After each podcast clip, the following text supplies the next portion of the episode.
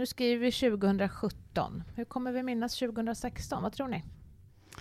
Om man nu tänker liksom stort och globalt så är det väl Brexit och Trump som man kanske kommer ihåg från 2016. Eh, fast eh, det blev ju inte riktigt så ruskigt som man trodde, åtminstone inte som det ser ut nu. Man trodde ju att det skulle bli börsras och elände, men, men riktigt så illa blev det ju faktiskt inte. Nej. Vad tror vi om 2017 då? Blir det, vad händer då? Ja, vi får väl se. Eh, men det är klart, för det som händer med världsekonomin, det, det påverkar våra pensioner, så det är klart att lite intresserad bör man väl vara. Mm.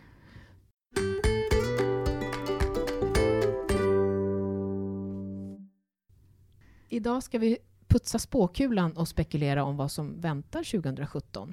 Vi ska också ta upp viktiga siffror och hålla koll på 2017 och vad de betyder för dig. Ja, Kristina, vad är det som väntar oss? Ja, förhoppningsvis en massa spännande saker, men om vi nu ska hålla oss till pensioner, eh, och det ska vi ju i den här podden, eh, jag tror att vi kommer att prata mer än tidigare om hur länge vi ska jobba. Alltså det här med, det pratas om att, att på något sätt höja pensionsåldrarna. Det, det tror jag vi kommer att prata om. Och, eh, jag tror också att vi kommer att prata om, vilket hör ihop med höjda pensionsålder, det här nya ordet flexpension.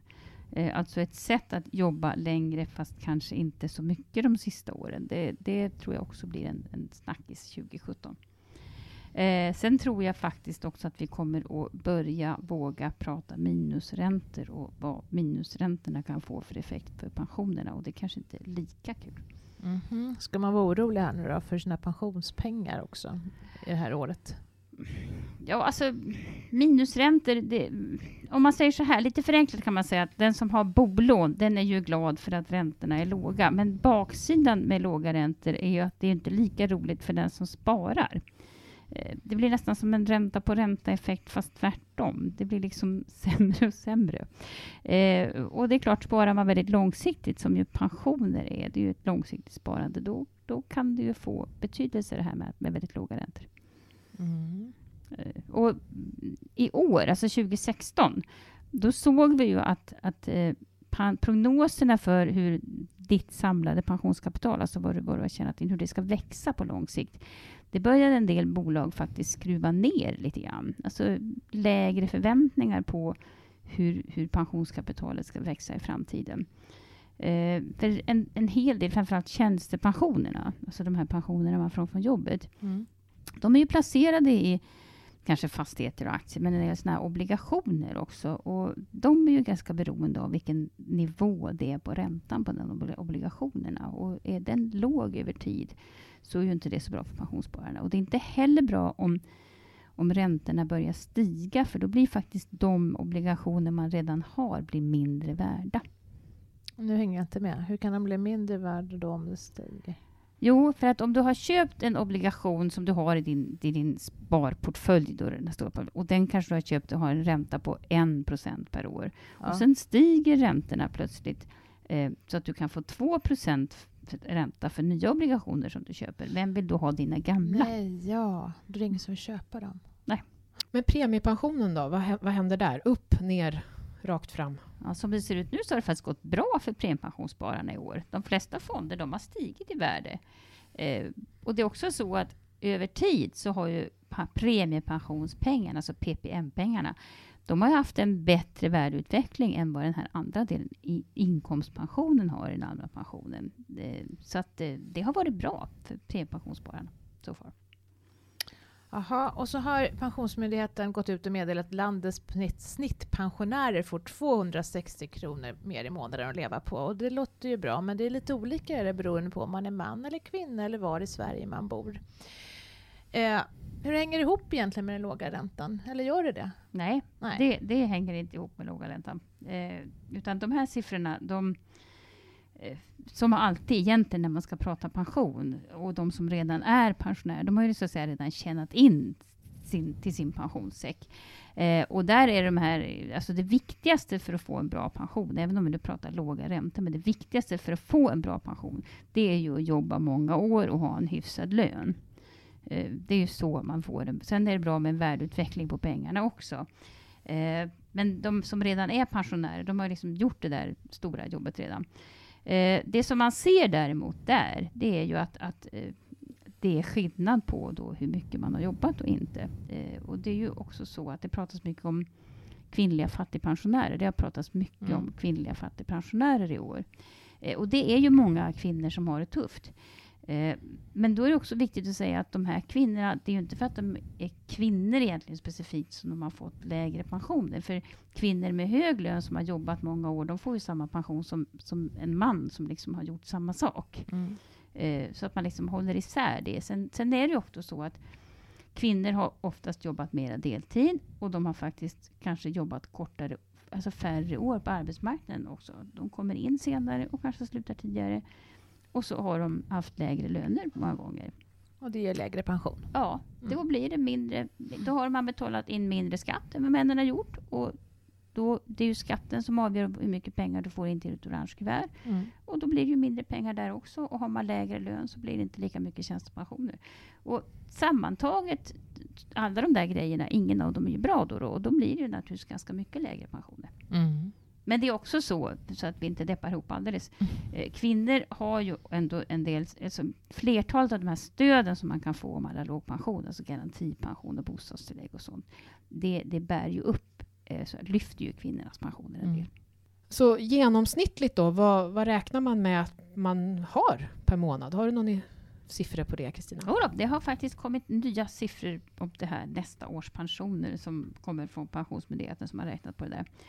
Eh, och nästa år kommer en genomsnittlig pension om man då räknar in både den allmänna pensionen, tjänstepensionen och det privata sparandet att ligga på lite drygt 17 000 kronor i månaden före skatt.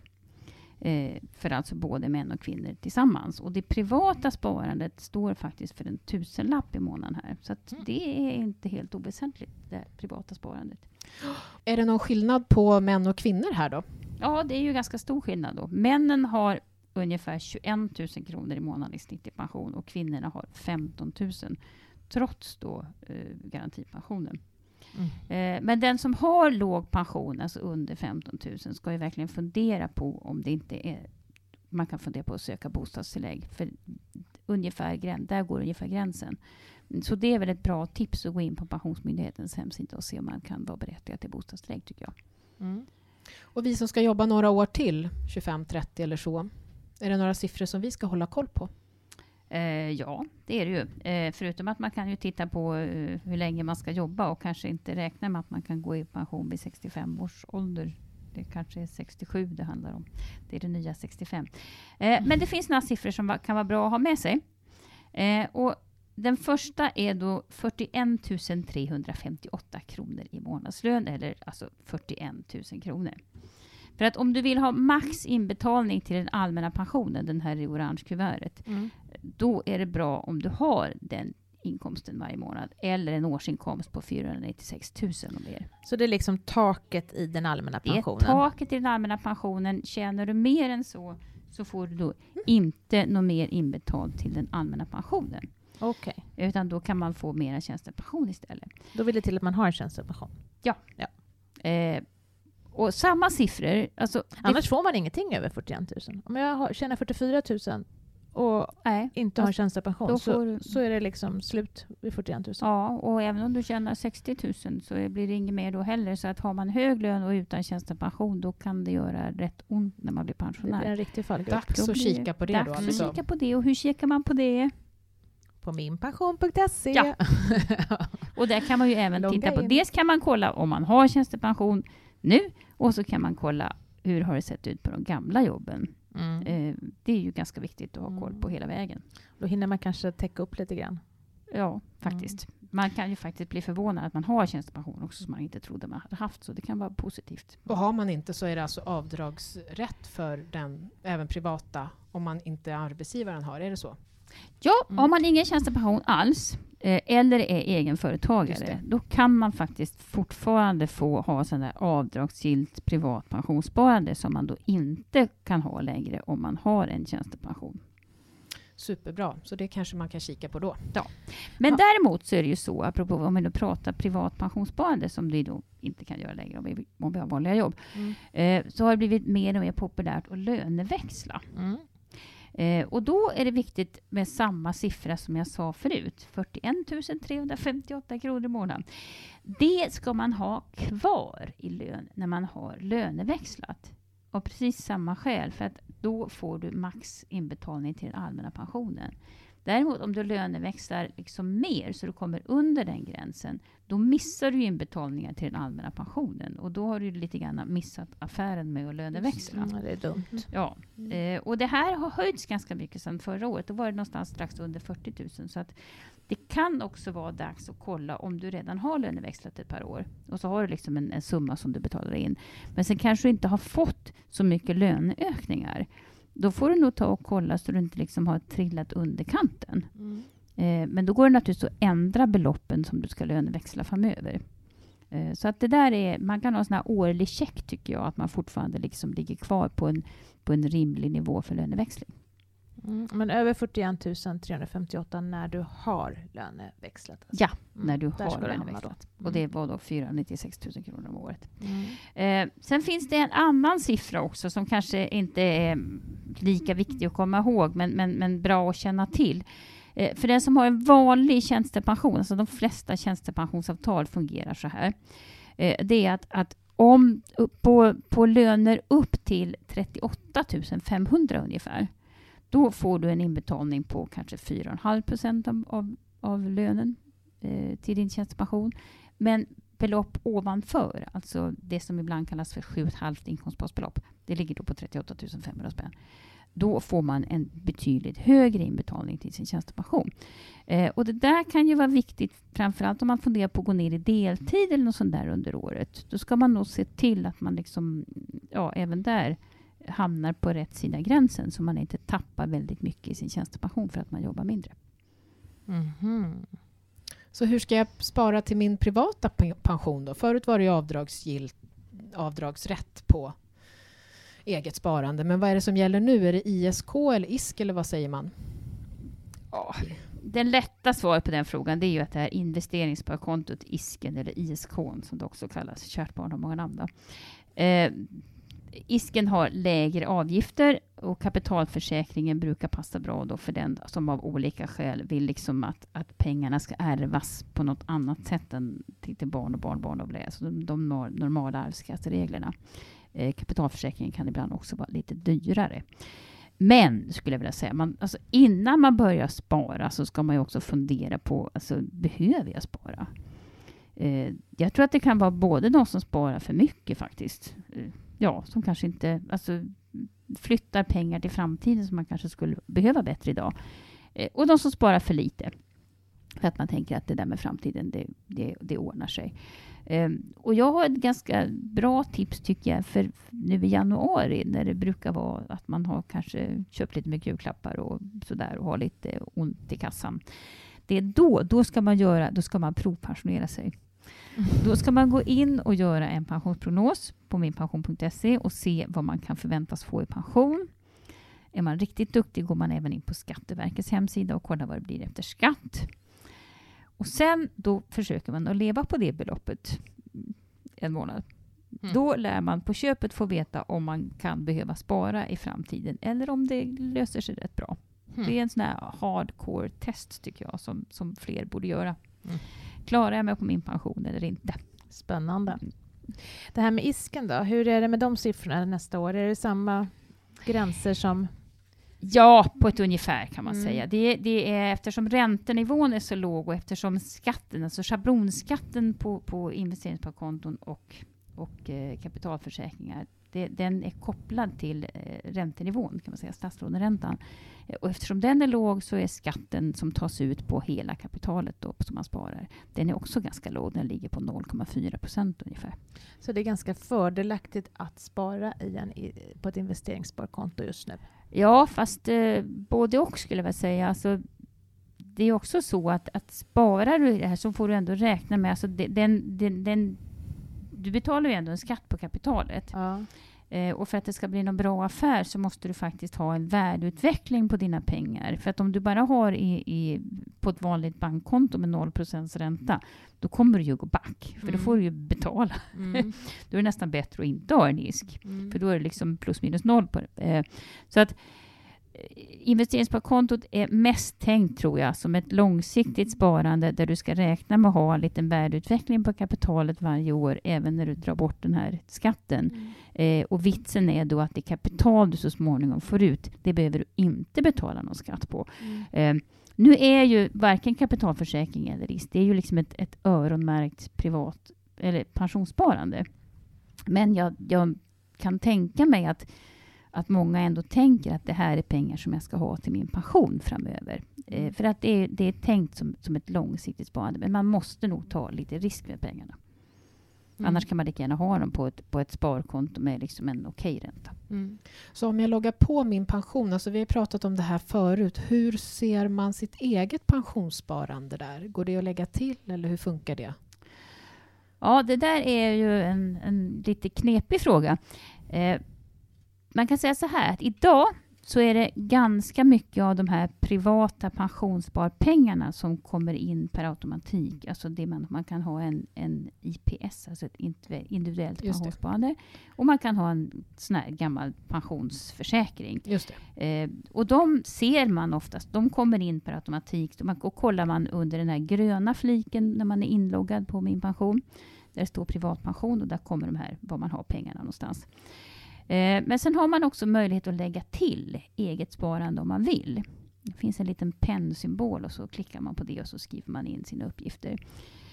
Eh, och där kan man ju, åtminstone i teorin, alltså lägga in en, ett investeringssparkonto eller något sånt där om man vill. Eh, men nu ska man vara lite försiktig med det kan jag tycka, eh, av flera skäl. För det första så, de här siffrorna kommer ju inte uppdateras. Utan Ja, just det, det får du göra själv. Ja, skriver Mm. du in att du har liksom 50 000, då, Ja. då händer ingenting med de pengarna, utan det står att du har 50 000. Men sen kommer man naturligtvis också att, att få in dem i prognosen.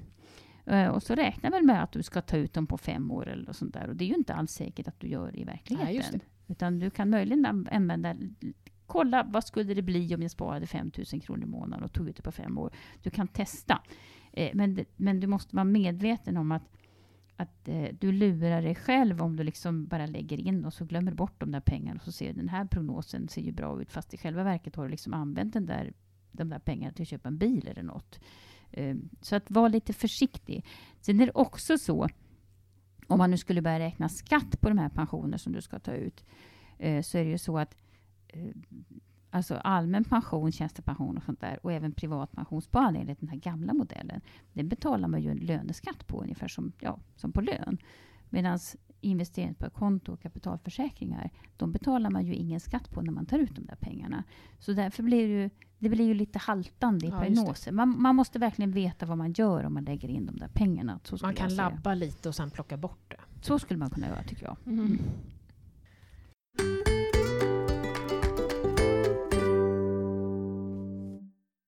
Vi har fått in en fråga om hur ser man vilka arbetsgivare som har betalt in vilken tjänstepension på minpension.se? Ja, det gör man inte idag. Eh, det vore jättebra om det, om det kunde bli så. Idag när man tittar på, på sin tjänstepension, då, då står det att vilka bolag som pengarna finns i, placerade i. Och sen står det faktiskt också en beteckning, om det är en sån här kollektivavtalad tjänstepension så kan det stå KAP-KL till exempel, då har man jobbat kommunalt. Eller så står det PA16 eller någonting och då har man jobbat i staten. Det kan stå ITP1 eller någonting sådär, då är, då är man en privattjänsteman och, och SAF-LO är man privatarbetare. Det är väl de fyra stora. Sen kan det stå andra förkortningar också. Eh, och då får man försöka tänka lite bakvägen. Jaha, men om, om det är inbetalat liksom in, enligt det avtalet, då var det förmodligen när jag jobbade där och där. Men det här är ju inte så lätt. Och jag vet att det är väldigt många som, som verkligen önskar sig att det vore mycket bättre om det stod att ja, men då, de här pengarna kommer från Solna kommun eller från liksom Nisses bilverkstad eller var man nu har jobbat någonstans. För då skulle man ju förstå. Eh, och många funderar ibland också, har jag verkligen fått betalt från alla de här arbetsgivarna jag har haft? Ehm, idag kan vi inte göra mer än så än att tala om att du har fått in pengar till den här försäkringen och en, via det här avtalet. Eh, vi hoppas verkligen på att det ska bli bättre framöver. Vi jobbar på det. Jag skulle säga det är en ganska högt prioriterad fråga, men det handlar om att, att få uppgifterna inlevererade till oss och sådana här tekniska frågor, att det ska, liksom, det ska funka också. Eh, vad man kan göra, eller kommer att kunna göra, i den här betaversionen som vi har, om man går in på minpension.se idag och klickar på den där lilla rosa grejen som det står beta på, för att se hur sidorna ska se ut i framtiden. Då ska man kunna lägga in själv, åtminstone vilken arbetsgivare jag jobbar hos idag. För att då börjar man ju göra det så, så kommer det att växa på, så man har lite koll själv. Och så kan det faktiskt ändå, tycker jag, vara bra eh, om inte annat när man ska skriva CV så är det väl bra att veta vilka arbetsgivare man har haft och vilka år man har haft dem. Ja, men då ser vi fram emot den teknikutvecklingen, säger jag som har flera arbetsgivare. Mm. Ja, nej, men det här är en jättevanlig fråga. Det Ja. var den näst vanligaste frågan. Den, första, den vanligaste är hur mycket blir det? Och den näst vanligaste frågan är finns allt med? Och den första frågan har vi svarat på, tror jag, nu för tiden, men vi Mm. jobbar på den andra. Mm. Det här är en podd som görs av minpension.se där du kan se hela din pension och göra pensionsprognoser. Tipsen från idag hittar du på blogg.minpension.se och vi som har gjort podden idag är jag, Ulrika Loop, Kristina Kamp och Maria Eklund. Och vi finns på Twitter och Facebook och glöm inte att prenumerera på podden. Tack för oss, hej då! Hej då!